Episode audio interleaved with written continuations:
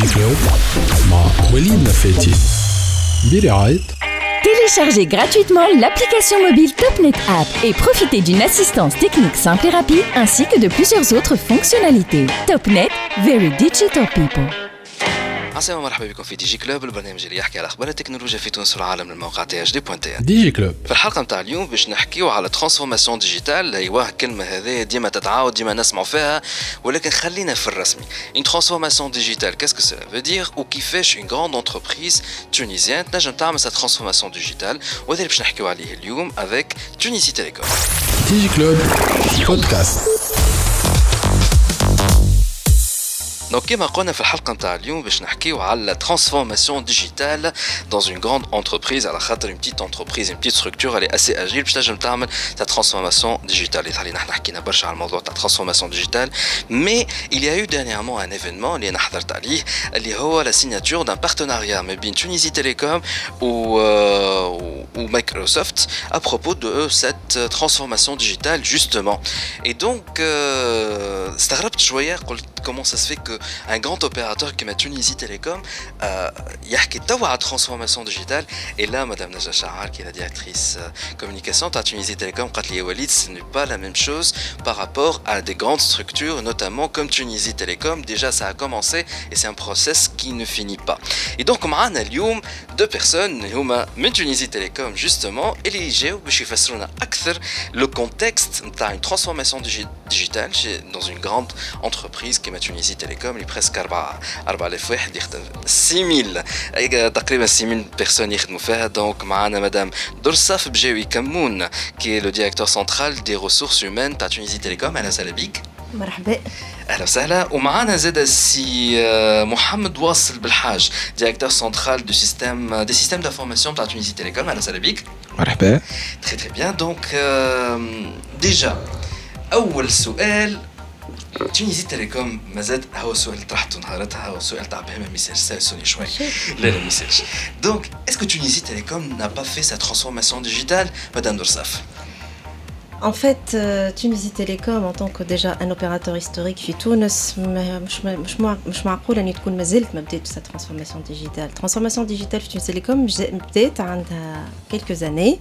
euh, mais c'est un process qui en continue. Euh, ce process de transformation digitale, jusque-là, il a euh, concerné ou la masse quelques, quelques domaines de management en entreprise.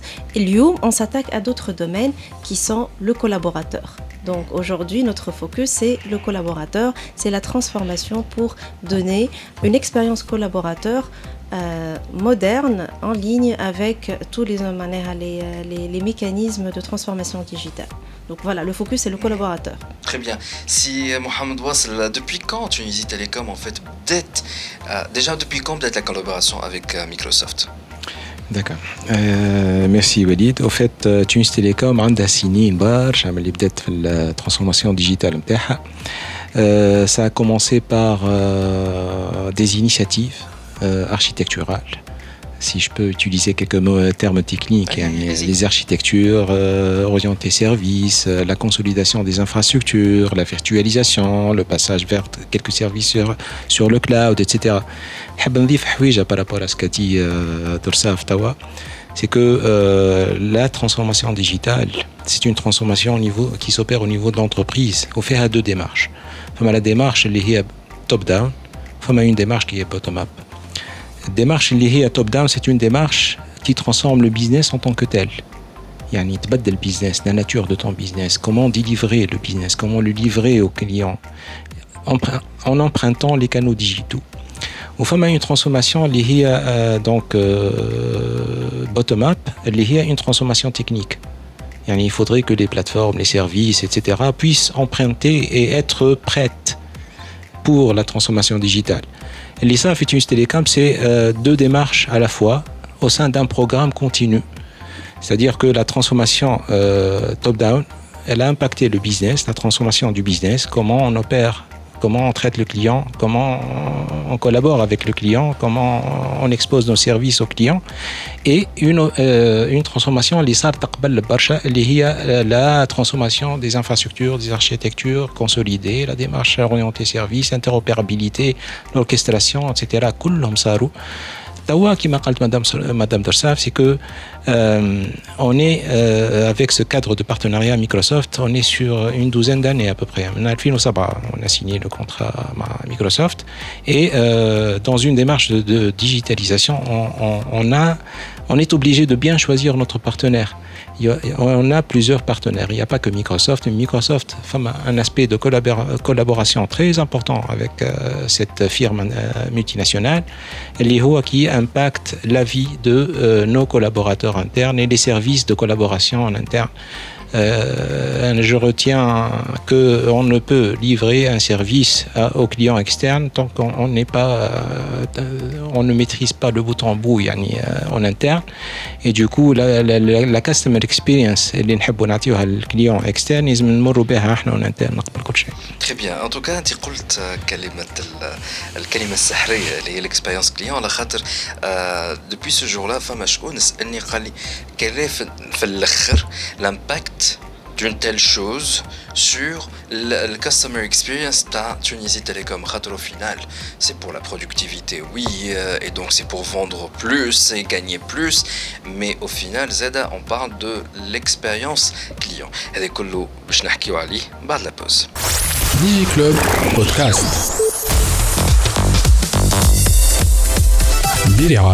TopNet, very digital people.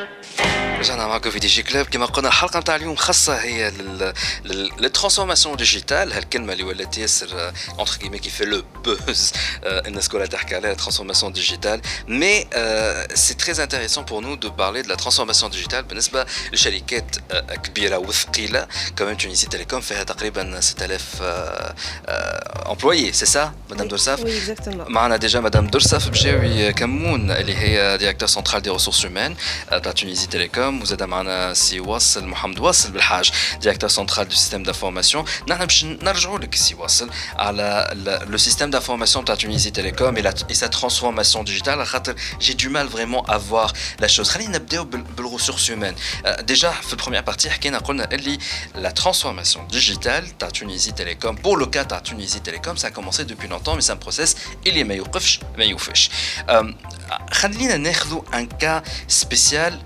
RH, les ressources humaines de Tunisie Télécom.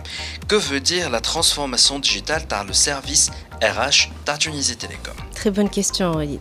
Alors, euh, permets-moi de, revenir un peu sur le terme ressources humaines. si tu permets, moi je préfère euh, utiliser le mot euh, capital humain.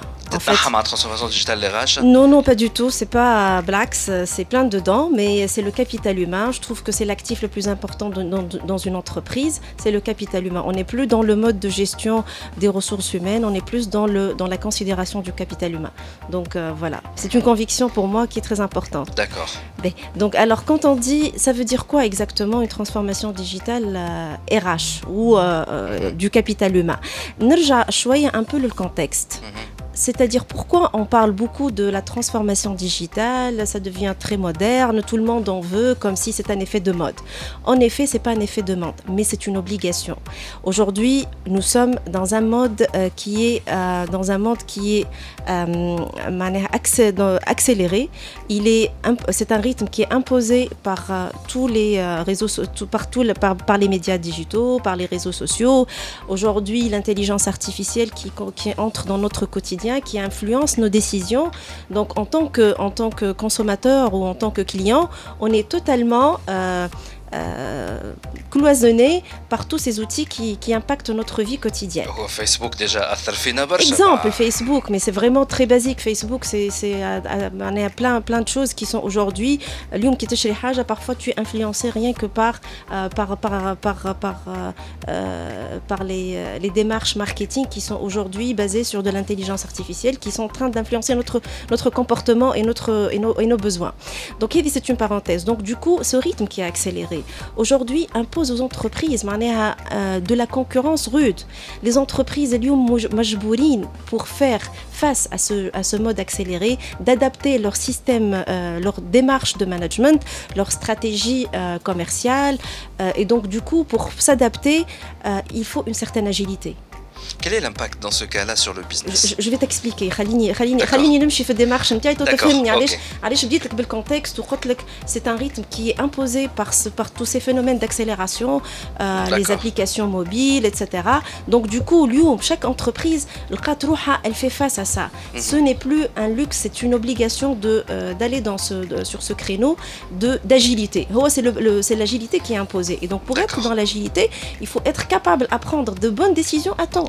Et pour avoir l'agilité, la prise de décision à temps, il faut qu'on ait les ressources en entreprise capables de donner le résultat dans les délais. Parce que quand ça arrive en, retard, euh, match en le time to market, il est en entreprise, en interne, il est en déphasage.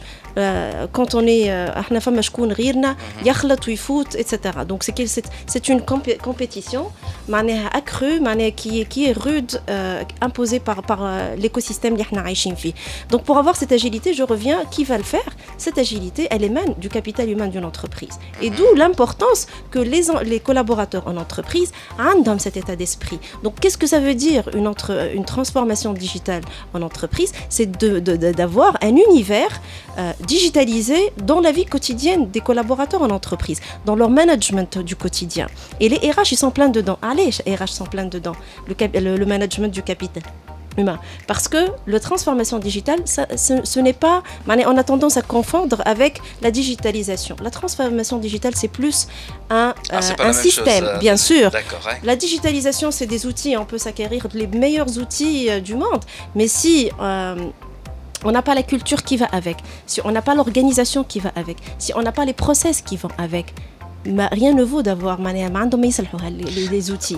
Donc du coup, les RH, leur rôle, c'est d'accompagner l'entreprise à cette agilité. Surtout c'est le collaborateur nafso, c'est l'employé nafso qui doit s'accaparer ولا كيفاش نقولوا فيها يتبنى خلينا نساعد كلمه يتبنى هل هل لي زوتي خاطر كما قلت انت تجيب احسن لي زوتي باغلى سوم et finalement si les, euh, les, les, collaborateurs ne l'adoptent pas. Ça sert à rien. exactement, et justement par rapport à ce volet je fais un mix alors quand même c'est euh, c'est euh, j'utilise le terme mais bon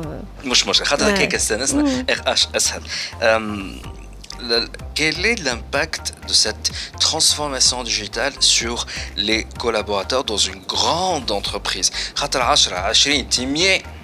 C'est gérable. Exactement.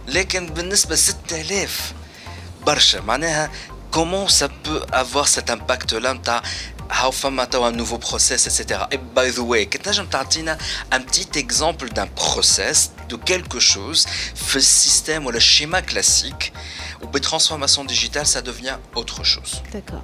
Alors, euh, en fait, euh, l'impact en fait sur les sur les collaborateurs, c'est que déjà euh, pour une entreprise qui met Tunisie Télécom, qui a plus de 6000 collaborateurs, c'est un must. C'est d'avoir des, des, process simplifiés, d'avoir d'avoir des workflows décisionnels, d'avoir de l'intelligence et du learning et de la capitalisation de, de l'apprentissage en entreprise.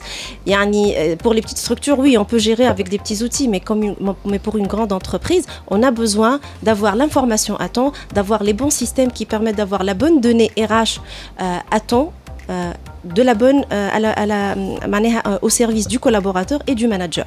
Alors, on n'est plus dans le modèle classique de fournir des services RH back-office. On est plus l'UM orienté vers le collaborateur. C'est fournir des outils de collaboration orientés added value اللي هو شكون l'added value نتاعنا الفالور نتاعنا à qui on l'a créé on l'a créé pour le collaborateur et pour le manager parce que ce sont nos clients internes en fait حلو هالكلمه هذه تاع لي كليون معناها اعطيني انكور ان اكزومبل خليني عجبتني الكلمه تاع كليون انترن effectivement شكون ساعه التوب مانجمنت ولا l'employé alors tout, tout, tout collaborateur est un client interne moi je fais pas la différence entre un, un, un top manager ou un, collab un simple collaborateur ils sont tous importants ils ont tous leurs valeurs en entreprise et donc du coup euh, ils sont tous nos clients donc c'est moi c'est mes valeurs en fait c'est les nos valeurs qu'on essaye d'incarner معناها في الRH في Tunisie Télécom c'est de faire le collaborateur mettre le collaborateur collaborateurs au centre de nos actions.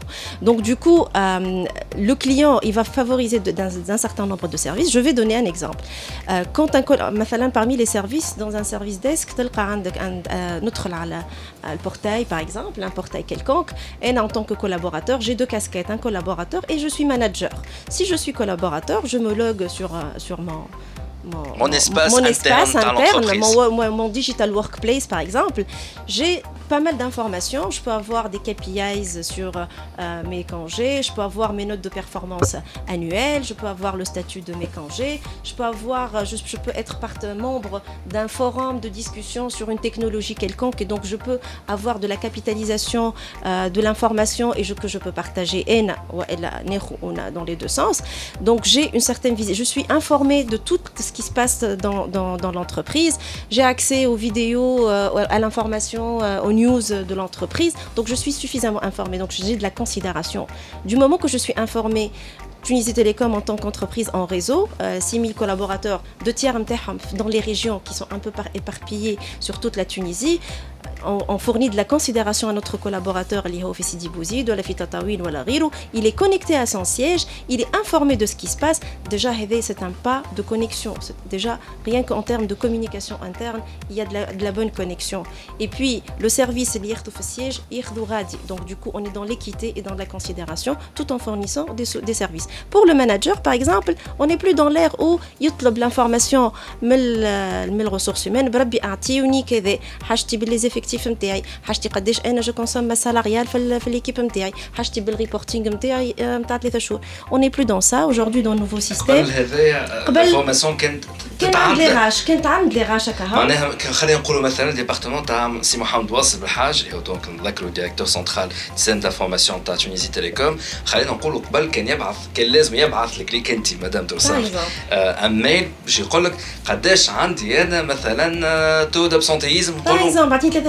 التالي لي تو دابسونتيزم في ليكيب نتاعي ويقعد يستنى يبعث ميل وانا نبعث الاكس واكس يبعث الاي انسي دو سويت اي سا برون اي سا برون 3 4 جور euh, pour que l'information revienne. D'accord Revienne. Donc, du coup, c'est plus le cas. Aujourd'hui, cette information, en tant que manager, dans son euh, digital workplace, il peut avoir un certain nombre de KPI disponibles à sa disposition pour la gestion de son équipe. Et ça, c'est un minimum de, de, donner de l'agilité. Et ça, quand on dit de l'agilité, c'est d'avoir l'information au bon moment. Et là, en tant que RH, j'ai besoin d'avoir des KPI sur la masse salariale, sur les absentéismes, sur les heures supplémentaires. J'ai besoin de l'avoir mensuel et en temps réel. Si je l'ai a posteriori, Sans parler du fait que la formation continue, euh, je connais les lèvres, tu as une tâche en cours, euh, ou tu as postpone la formation hein. c'est ça? Tout, tout, à tous les services, la formation, le onboarding, le recrutement, et ça passe plus manière à Lyon, tous les services sont donnés avec, via des workflows de validation, donc du coup c'est que la digitale, et on enlève tout le papier. Donc, on a déjà, même euh, Inch'Allah, on est en phase, euh, en, en, préparation d'acquisition de, de, nouveaux systèmes. Mais déjà, rien qu'en mode revue des process, on peut simplifier, on a commencé à le faire déjà, la ressource humaine Fitness Telecom, on a commencé à éliminer du papier et à ah simplifier des process. C'est Fadel Karim déjà euh, la conférence, on marche la conférence, déjà à la fin du conseil d'administration, hein, في الاولاني الناس كلها جابت الاوراق في الثاني واحد في الكونسيل دادمينستراسيون ما عادش فما اوراق زيرو بابي قال Moi c'était c'était c'est la consigne que je chaque jour j'essaie de rappeler les gens et si on peut le faire sans papier et si on fait ça et si on fait ça le, petit à petit le temps que l'équipe apprend à de nouvelles de nouvelles pratiques. قبل ما ديجا خاطر باش نخرجوا نحن شويه بوز باش نحكيو بعد على السيستم دو فورماسيون مي جو بونس كو جماعه السيستم دو فورماسيون سي محمد واصل اللي هما سون بلوس تكنيك دونك هما أقل زيرو بابي باش نرجعوا عليه الموضوع هذايا سوبوندون على لا ماس الكبيره نتاع الاغاش باش تعمل كيما ديما كلمه اغاش مدام درساف les collaborateurs de Tunisie Télécom, oui, c'est vrai, leur engagement à Tunisie Télécom déjà je vous fais un VTHD ou Fidji Club donc à chaque fois on un papier à la, Tunisie Télécom ça se partage énormément.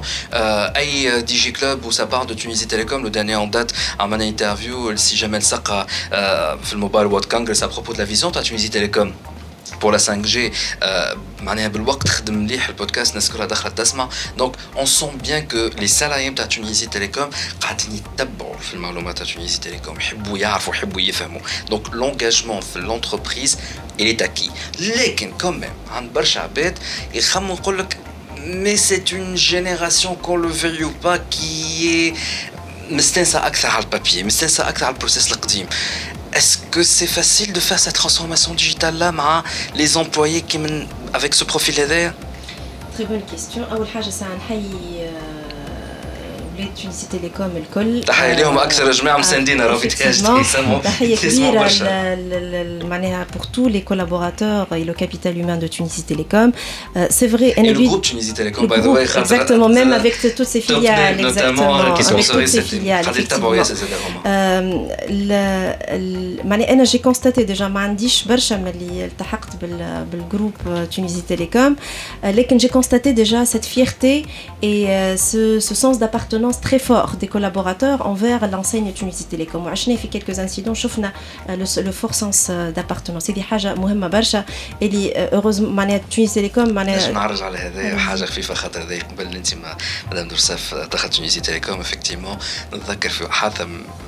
من اللي صارت في وقت 2012 2013 المهم وقتها ساعتها شانعة في في القصرين في في, الشعامبي لي زاتاك تيروريست وهذيك. فما آه بحذا لو انت آه فما حاجة تابعه تونيزي تيليكوم.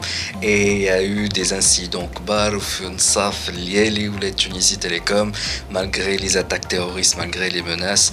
ولاد تونيزي تيليكوم il y a eu un incident majeur, majeur, majeur, majeur كبير على ولات تونيزي تيليكوم في نص الليل مع الميناس تيروريست مع الكوفر فو كل شيء ايزون ريتابلي لا بان دونك هذا بالرسمي قليل انا ما نحكيو على جماعه التكنيك في تونيزي تيليكوم اللي هما سور لو تيران راهم تعبين برشا ويخدموا برشا يعطيهم الصحه effectivement je renforce le message معناها de ma part de pour pour saluer toutes les équipes معناها surtout qui militent معناها في في les directions techniques في les directions commerciales في les directions support معناها c'est c'est eux qui font de Tunisie Télécom, la marque qu'elle est aujourd'hui.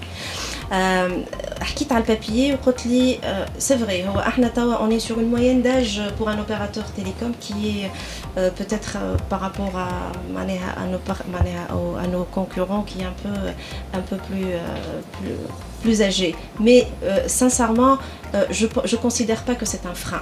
C'est une question, c'est vrai, euh, Maner a vu la culture du public, le papier, euh, les tampons, euh, les bureaux d'ordre, c'est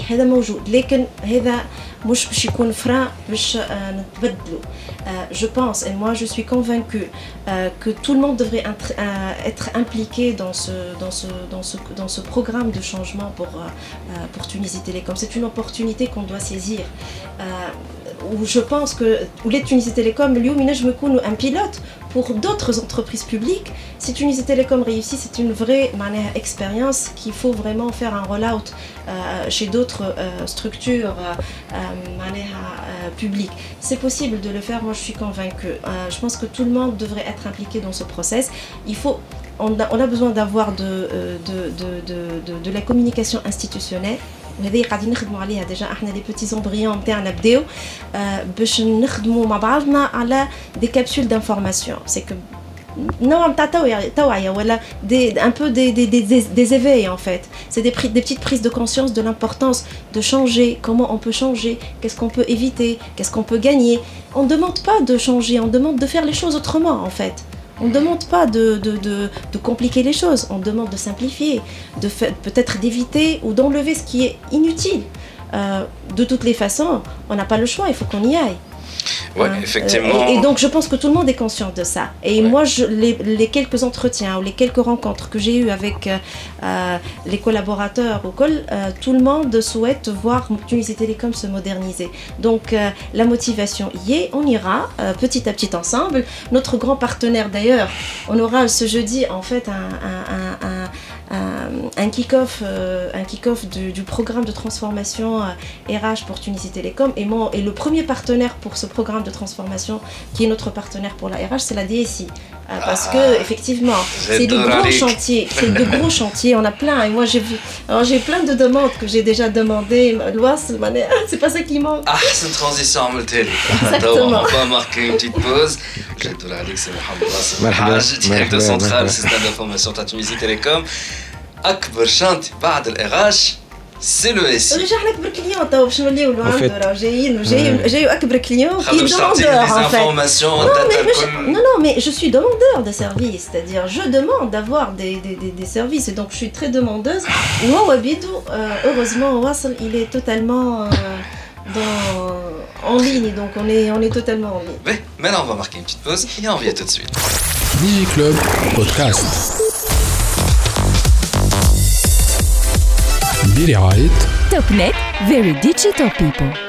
رجعنا معاكم في دي جي كلوب كما قلنا حلقة اليوم خاصة للترانسفورماسيون ديجيتال des grandes entreprises. Le cas de Tunisie Telecom est vu les SAR dernièrement à une conférence faire la signature d'un partenariat avec Tunisie Telecom euh, entre Tunisie Telecom et Microsoft à, à propos de cette transformation digitale là.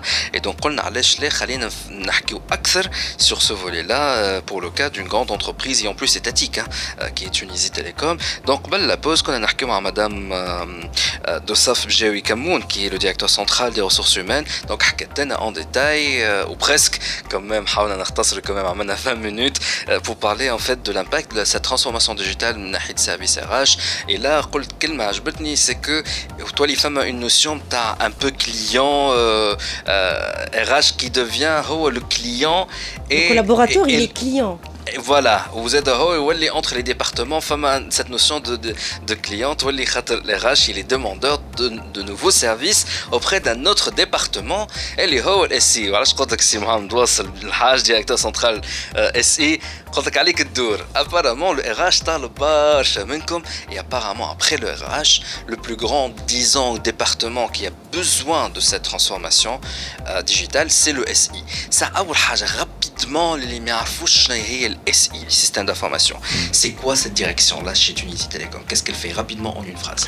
En fait, euh, c'est une direction centrale qui, euh, qui s'occupe de tout ce qui est système d'information, c'est-à-dire les applications, les, euh, les infrastructures, les services, euh, les middleware, l'intégration, tout ce qui va avec, avec les systèmes d'information, de bout en bout.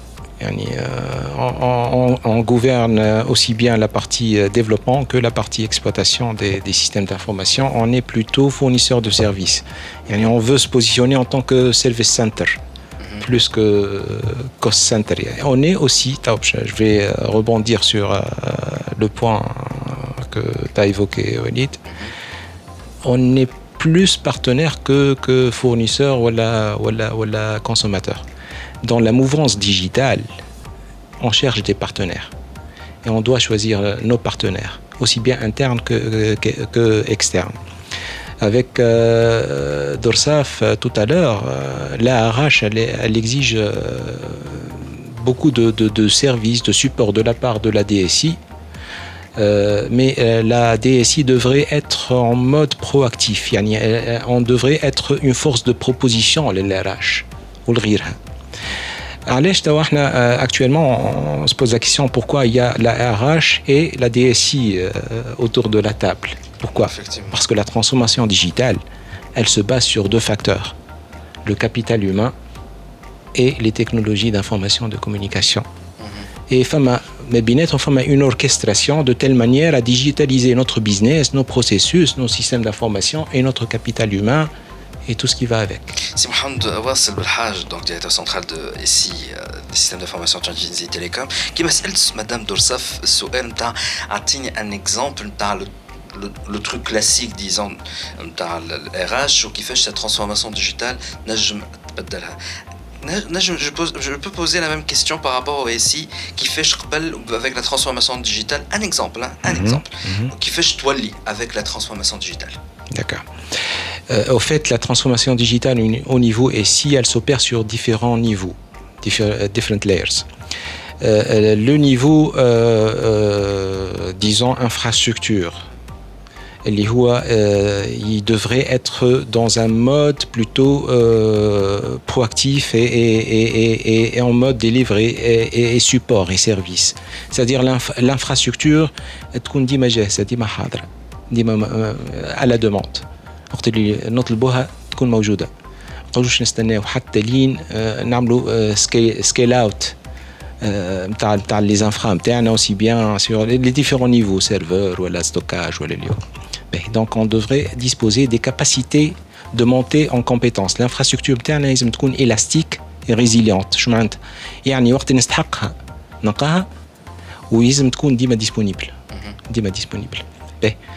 au niveau euh, intégration, ils ont une certaine orchestration, interopérabilité entre les différents systèmes d'information. يعني ما يلزمش لي سيستيم دانفورماسيون نتاعنا يكونوا او مود سيلو سيلوي وحدهم كل واحد وحده يخدم واحد يخدم على البارتي كاستمر الاخر يخدم على البارتي ار اش واحد يخدم على البارتي فينانس سي با سا on tire la valeur ajoutée de, de, de, de, de la, de l'orchestration, l'interopérabilité entre les différents systèmes. D'accord?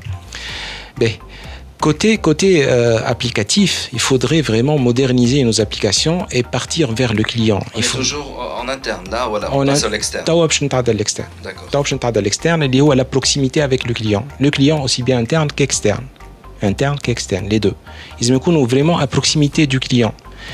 Je à, à proximité du client, c'est-à-dire on doit anticiper le besoin du client. On ne doit pas être en mode réactif. Voilà, j'ai un besoin. Il faudrait vraiment anticiper le besoin et être à l'écoute de, de, le, du mindset client interne. C'est-à-dire qu'on euh, opère une transformation même culturelle au niveau de la DSI. Hein. DSI, est euh, un salesperson ils aiment bien la solution ils aiment anticipent la solution. Ils se battent pour pour pour faire pour créer la valeur ajoutée à travers l'interopérabilité mais bien les différents systèmes un peu d'une start-up si ah, oui معناها les جماعه الدي سي نتاع Tunisie Télécom il faut qu'ils se comportent un peu comme des start-upers oui, tout à fait. Oui, tout à fait. Au, fait, les, euh, les, différents ingrédients de la start-up, ils sont au sein de l'organisation interne d'une DSI.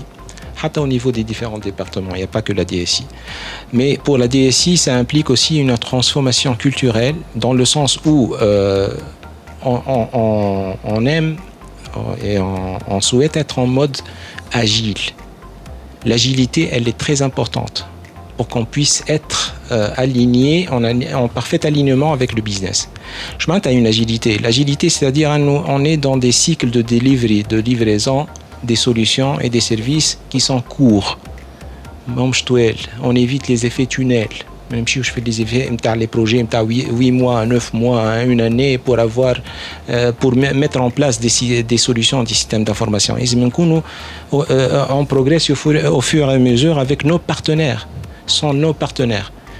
نحطوهم معنا à proximité on avance ensemble donc au niveau organisationnel de la DSI euh, ou la DCSI ils ont vraiment euh, euh, beaucoup de synergie entre les différentes équipes et un travail euh, de, réorganisation afin de livrer les solutions euh, au fur et à mesure qu'on progresse. un exemple qui par rapport à la DRH, le plus grand challenge les, les ressources humaines, c'est c'est la culture en fait. Faire une transformation, c'est toujours un challenge pour changer les habitudes, etc. Euh, je mets un ici, il y a un problème pour adopter la transformation digitale. Ils sont pleins dedans, le, la technique, l'électronique, les Ils sont un technologue. Euh, ولكن كمام حسب ما تحكي انت هكا اي سي ان بو لو مايند سيت دون ستارت اب اللي معروف على une ستارت اب سي كو سيت اجيليتي اتسيتيرا اتسيتيرا وي مي il y a surtout l'user experience باغ اكزومبل بور لو كام تاع لا دي ار اش وقتها هي تكلم دونك لو دي اس سي باش تقول انا جي بوزوان دان لوتي باش نحط فيه لي لي كي بي ايز نتاعي اتسيتيرا اتسيتيرا يولي ساعتها لي زيكيب نتاعك كان باش نمشيو بالمايند سيت ستارت اب c'est vrai, il fournit la solution technique pour ça. Les Kenzeda en termes de user experience, à la c'est très important lorsque on va vendre un produit dans une startup. C'est le user experience, ce product-là, pour que le client pour le cas la DRH le client bien que tu تحب plutôt euh, partenaire نتاعك هو باش ياخذ produit هذاك باش يقول ça me va. À l'utilisation période elle est facile tailleur etc est-ce que les collaborateurs des DSI ils s'adaptent à ce mindset là startup? Euh, euh, la capacité d'adaptation, oui, il y a une capacité, mais il y a un effort à fournir actuellement pour qu'on puisse les accompagner dans cette démarche. Dit les technologues ils sont euh, trop euh, focus on technology ils sont trop près euh, tightly coupled to machine. Ok?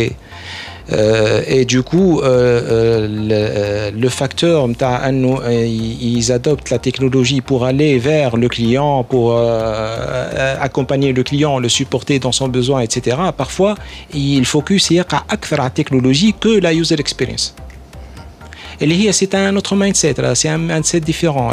Capitaliser sur la user experience. La user experience, on doit la définir correctement. La user experience, c'est le pouvoir euh, capitaliser sur l'expérience client par rapport à un, aspect euh, visuel, un aspect technologique, un aspect d'utilisation de, des systèmes d'information. Euh, il faut dire que euh, en termes de user experience, y a différents systèmes qui supportent la user experience. Mais aussi la partie visuelle qui est très importante, l'ergonomie du visuel qui est très important, et aussi la reprise de l'expérience client d'un canal à un autre. Euh, je rappelle bien que Tunis Telecom adopte depuis euh, longtemps la, démarche omnichannel, c'est-à-dire euh, que pour les clients, indépendamment du canal emprunté pour le service, ils retrouvent la même expérience. ينجم واحد يتصل téléphone, il peut basculer vers un site web il retrouve la requête نتاعو في السيت ويب في نفس النيفو اللي خلاها في في الكول سنتر par exemple donc, euh, c'est un axe de travail qui est assez important pour capitaliser sur la user experience. La user experience, c'est la fidélisation de nos clients. C'est très important. Hein. Nous, le client, nous finance le mindset pour pouvoir euh, mieux gérer et capitaliser sur ce, sa learning curve. Je peux te trouver que le pose à la كلمة اللي أنا ديما نسمع فيها وما فهمتهاش اللي هي self care. C'est quoi le self care? très important. C'est le euh, Dorsaf Pikri. Euh, elle l'a décrit d'une manière un peu euh, métier. C'est-à-dire que en tant que client de, de du SIRH, les Jerifih Dorsaf, nous les informations par rapport à mes équipes. Euh, pas besoin de passer à travers des demandes pour collecter des informations. Il suffit que euh, je, fasse mon login sur euh, le système d'information RH et je collecte toutes les informations nécessaires. L'exemple concret que nous avons, c'est les systèmes d'information, certes internes à Tunis Telecom, mais aussi les, systèmes sur lesquels, lesquels travaillent nos commerciaux. Euh, Self-Care, l'exemple de MyTT en tant qu'application. MyTT, c'est une application qui a été développée dans ce sens-là. Oui, l'application euh, MyTT, elle est téléchargée l'App Store ou le, ou le Play Store, elle est toutes les fonctionnalités, etc. Tout à fait. Donc notre démarche, c'est de partir euh, avec cette application vers une personnalisation de l'applicatif pour qu'il puisse supporter le client de la manière la plus autonome. Mhm. C'est le self-care. Euh, c'est une composante euh, basique du digital. On ne peut pas être dans l'ère digitale sans pour, autant être dans le self-care. Euh, donc, euh, femme self-care, femme le customer experience, femme customer orientation, femme l'orchestration, femme l'interopérabilité, etc. sont tous des ingrédients d'une bonne réussite digitale, mais sans capital humain et sans transformation culturelle du capital humain, on n'a pas vraiment, on peut pas réussir euh, cette, cette mouvance digitale. والتكنولوجي لنا فما ان ديلام وليد فما ان ديلام entre la technologie et l'être humain c'est-à-dire que la technologie صحيح انه l'être humain يلزمو il s'aligne avec avec le monde digital en tant que capital humain interne à Tunis Télécom c'est le souhait qui est très important est-ce qu'ils peuvent faire ça est-ce qu'ils peuvent emprunter cette voie là euh, oui, ils peuvent, mais aussi la technologie, elle est en support pour transformer le capital humain. C'est très important. Le mindset, dans le sens le plus général, dans la bête, des mamies qui, qui Facebook. Hein. قبل فيسبوك المايند سيت نوع بعد الفيسبوك يولي نوع اخر Ça c'est clair. Donc qui a anticipé Est-ce que c'est l'être humain qui s'est aligné, aligné à la technologie ou la technologie elle a transformé l'être humain هذا نتاع العظمه ولا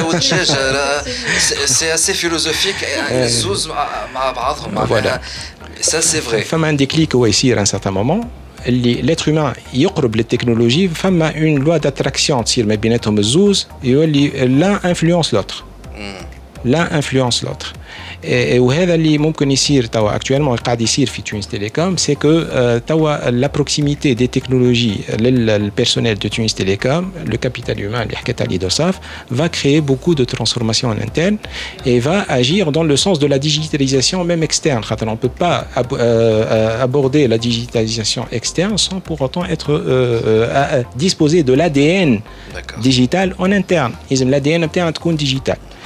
Euh, tout ce qui est euh, collaboration, tout ce qui est visioconférence, tout ce qui est proximité virtuelle, tout ce qui est ça élimine même euh, beaucoup de de headache yani, et de de de, de, de problématiques. Qui, voilà, qui, qui, nous fait perdre du temps. Et, ça, ça nous fait gagner beaucoup de, de, de performance, de disponibilité des gens. il faut dédier les gens au, au, au cœur du métier.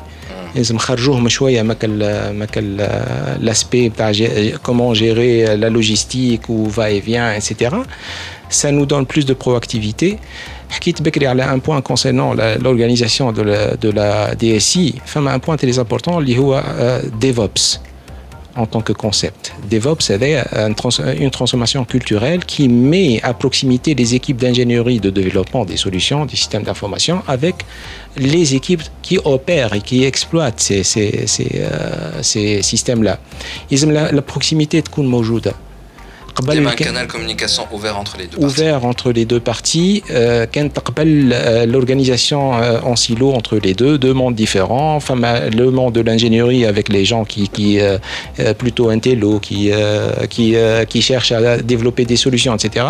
Et des gens qui exploitent, qui sont en mode pompier. Et, et, et, là, les, ces deux mondes-là, avec la digitalisation, frontière, aucune frontière entre les deux, parce que chacun apprend de l'autre. En exploitant, on alimente euh, l'ingénierie, d'accord, mm -hmm. et euh, en, en, développant euh, euh, on applique aussi euh, les, bonnes pratiques pour, pour l'exploitation. Très bien, ah, on va marquer une petite pause et on va revenir pour la toute dernière partie. Et j'aurai une petite question à vous deux. Il y a à tout de suite. DigiClub Podcast. Billy Topnet Very digital people. رجعنا معكم في خبرتي من دي جي كلوب اللي هي مخصصة les transformations digitales dans les grandes entreprises, le cas de Tunisie Telecom, surtout après la signature de cette convention مع, مع Microsoft. Donc حكينا في première partie تاع l'émission مع مدام Dorsaf Bjewi Kamoun, directeur central des ressources humaines de Tunisie Telecom, à propos de la transformation digitale dans les ressources humaines, les RH, et tu تحب plutôt capital humain.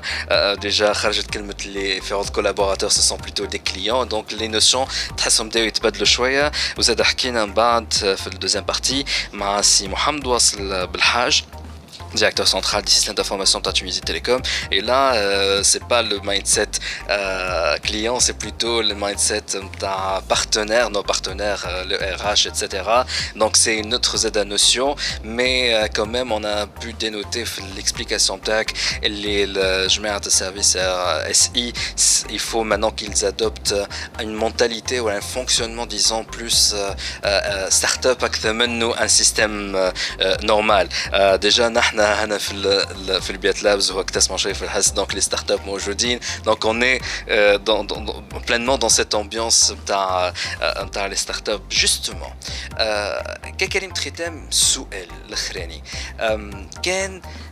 تعطيني اون بتيت مدام مش السؤال زاد لسي محمد واصل مدام درسا بجاوي d'un point de vue RH, imaginons femme une directrice, un directeur d'un département RH dans une grande boîte tunisienne, voilà, à l'international, l'expérience quel est le plus grand challenge de cette transformation digitale par rapport au RH quel conseil donneriez-vous pour réussir cette transformation digitale D'accord. Walid, en fait, euh, euh, pour moi, ce n'est pas ma première expérience, c'est plutôt la quatrième expérience de transformation sur de, sur de grandes structures en matière de, de, management de capital humain, en termes de conduite de changement et de, de transformation digitale. Alors, trois conseils que je donnerais. Euh, une transformation digitale, ça devrait émaner d'une stratégie, d'une vision claire de l'entreprise. ça devrait aussi émaner d'un sponsoring du top management. S'il n'y a pas de sponsoring nécessaire, effectivement, إذا كان le top management ما يتبناش القضية والفكرة هذه راهو لو ايراش والدي سي باللي زوتي والايراش بالorganisation والكوندويت شانجمون راهم ينجموا يعملوا حتى شيء. Donc pour être clair et honnête, راهو ça devrait émaner d'une d'une stratégie claire et d'un sponsoring du top management. On a la chance, في Tunisie Télécom, avec notre PDG Sifad Al-Kraïm, qui est un vrai sponsor, qui croit à cette transformation et il est le premier sponsor à être mobilisé pour ça. D'ailleurs, le kick-off dont je vous ai parlé euh, ce jeudi, c'est lui, qui a, lui qui a invité pour le kick-off de la transformation RH de Tunisie Télécom. Donc pour vous dire en quoi, euh, à quel niveau c'est important pour lui, ça c'est très important. Donc à son niveau, mais aussi au niveau du top management en général, le COMEX, c'est-à-dire le comité de direction, chacun à, son niveau, dans sa direction, il faut que chacun de, des directeurs centraux, euh, a des, des premiers responsables, cascade aide euh, et partage cette vision et ça on devrait la vivre dans notre quotidien. Donc il y a des choses c'est un travail en continu, c'est-à-dire il faut que ça soit en mode sprint. Il faut qu'on travaille avec des petits, en petites dosettes et qu'on on, on fait un assessment, des petits projets, et on célèbre. Il faut que les gens soient impliqués de, de, célébrer des succès et de faire partie prenante. Donc du coup, il faut que les gens soient impliqués. Voilà. Impliquez vos collaborateurs uh-huh. de d'en bas. Il faut que tout le monde participe parce que du moment où ils vont participer à, à, à, à, cette, à, ce, à ce changement, euh, ça sera un ancrage et que tout le monde va s'y mettre. باش نزيد كلمه مالا على اللي قلته انت على خاطر célébrer le succès oui mais je n'arrête pas de le dire depuis très longtemps depuis le début de ma carrière il faudra aussi célébrer l'échec على خاطر قبل ما تدخل السكسي لازم on célèbre l'échec فما برشا عباد وانا منهم حتى واحد ما هو كلنا نخافوا من l'échec ou généralement lorsqu'on a un échec نحاولوا plutôt باش نخبوه راهو la culture d'entreprise euh, digital, il faut dire aussi j'ai échoué, voilà mes erreurs et c'est comme ça qu'on avance et qu'on et qu'on réussit. L'échec, Walid, bon, une petite parenthèse. L'échec, madame, je peux te yes. rapidement. Alors l'échec, c'est important dans notre vie. Sans échec, c'est notre, c'est le moyen d'apprendre. C'est des opportunités. Moi, je trouve que c'est des cadeaux. notre. Euh, donc du coup, il faut apprendre de nos échecs. Donc du coup, il faut jamais.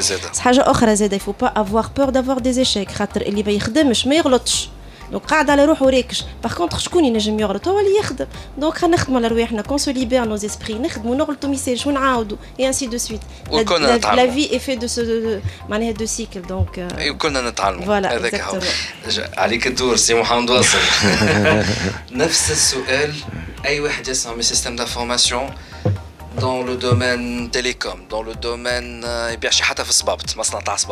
n'importe lequel. يسمعك انت سي محمد واصل بالحاجه acteur central des, des, des, des, des systèmes d'information de la Tunisie Télécom. quel est le plus grand challenge de la transformation digitale بالعربي quelle est la clé de succès حسب رايك انت La question elle est très importante, Walid. À mon avis, à mon avis, il faudrait pas aborder la digitalisation euh, pour l'amour de digitaliser. C'est-à-dire, euh, euh voilà, pour fashion, fashion et in. in. Voilà, t'as des vagues, how cloud computing, how internet of things, how il faut, voilà, allez-y. À mon avis, la digitalisation, c'est un business case. C'est-à-dire, femme à femme a des retombées business. On femme a des, des, des, arguments pour la digitalisation, ou bien transformationnelle au niveau de l'ADN de l'entreprise, pour être plus agile, pour être plus à proximité des clients, pour diversifier l'offre, pour, pour vendre mieux et plus, pour euh, disposer de plus de qualité en interne et en externe. Oui, M, juste pour essayer le truc, vas-y, au digital, là, on va en mode, à mon avis, il ne faudrait pas aborder la problématique de cette manière-là. ثاني حاجة اللي هي très importante donc si on dispose des arguments de la digitalisation اللي هما élaborés au niveau entreprise il faudrait bien vendre le projet et accompagner les gens au changement خاطر اكثر حاجه اللي هي تقلق هي la résistance au changement dans n'importe quel environnement de travail لازم توسعة البال توسيع البال وثاني حاجه il faut beaucoup de diplomatie de politique c'est-à-dire اذا انا احنا يعني euh, ah, en tant que top management, fi entreprise, on est convaincu par les, euh, retombées euh, positives de la digitalisation, il faudrait qu'on fasse l'habillage de la mariée afin de bien vendre le concept aux autres. Ah, sinon, ils ne vont pas adhérer. Au lieu de faire le projet dans une année, ça va prendre deux, trois années. Donc le facteur humain et le capital humain, encore une fois, il est très important. Euh, il faudrait vraiment euh, se doter des bons outils et de la bonne gouvernance pour le digital. Il faut gouverner le digital. Moi, je ne digital caca. Il faudrait être bien accompagné. Et du Avoir coup, une stratégie. Une stratégie et être accompagné par les bons partenaires. Encore une fois, la, la digitalisation, on a un exemple, le digital, le monde des telcos, le digital a, a, a imposé à certains opérateurs dans, euh, globaux, au niveau euh, globe, qu'ils fassent des partenariats avec des ennemis, des concurrents ennemis. كيما over, over the top les OTT فما دي زوبيراتور عملوا دي كونفونسيون افيك فايبر وغيره اللي هما كانوا يتناحروا ما بين بعضهم ما, يتخ... ما, ما, ما يحملوش بعض ما ينجموش يتحطوا فرد طاوله طاوله اكزاكتومون ولاو دي بارتنير دونك دون في, في الموند دو لا ديجيتاليزاسيون ou bien on est dinosaure ou bien on est prédateur on a le choix يا اما نمشيو في الديجيتال mais avec la bonne customisation de notre digital. Le digital, c'est pas euh, un prêt-à-porter. D'accord Ils aiment vraiment ils bien étudié. Ou bien qu'on fasse la mouvance digitale en tant que prédateur et survivre. Ou bien en tant que dinosaure et mourir et disparaître. Effectivement. Donc. Euh...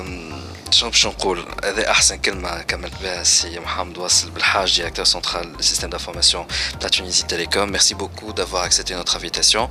Euh, d'ailleurs Zada merci beaucoup à madame Doursaf Bjawi Kamoun directeur central des ressources humaines à Tunisie Télécom. Zada merci beaucoup. اللي انت جيتنا malgré اللي أنتم عندكم برشا خدمه de réunions mais quand même جيتونا وعطيتونا ساعه من وقتكم دونك هذا اللي عندنا اليوم في الحلقة نتاع دي جي كلوب ان شاء الله تكونوا استفدتوا منها حبيناها تكون فرصه باش مره أخرى il y a un process qui s'est déclenché, qui va s'accélérer, notamment avec le lancement bientôt de la 5G.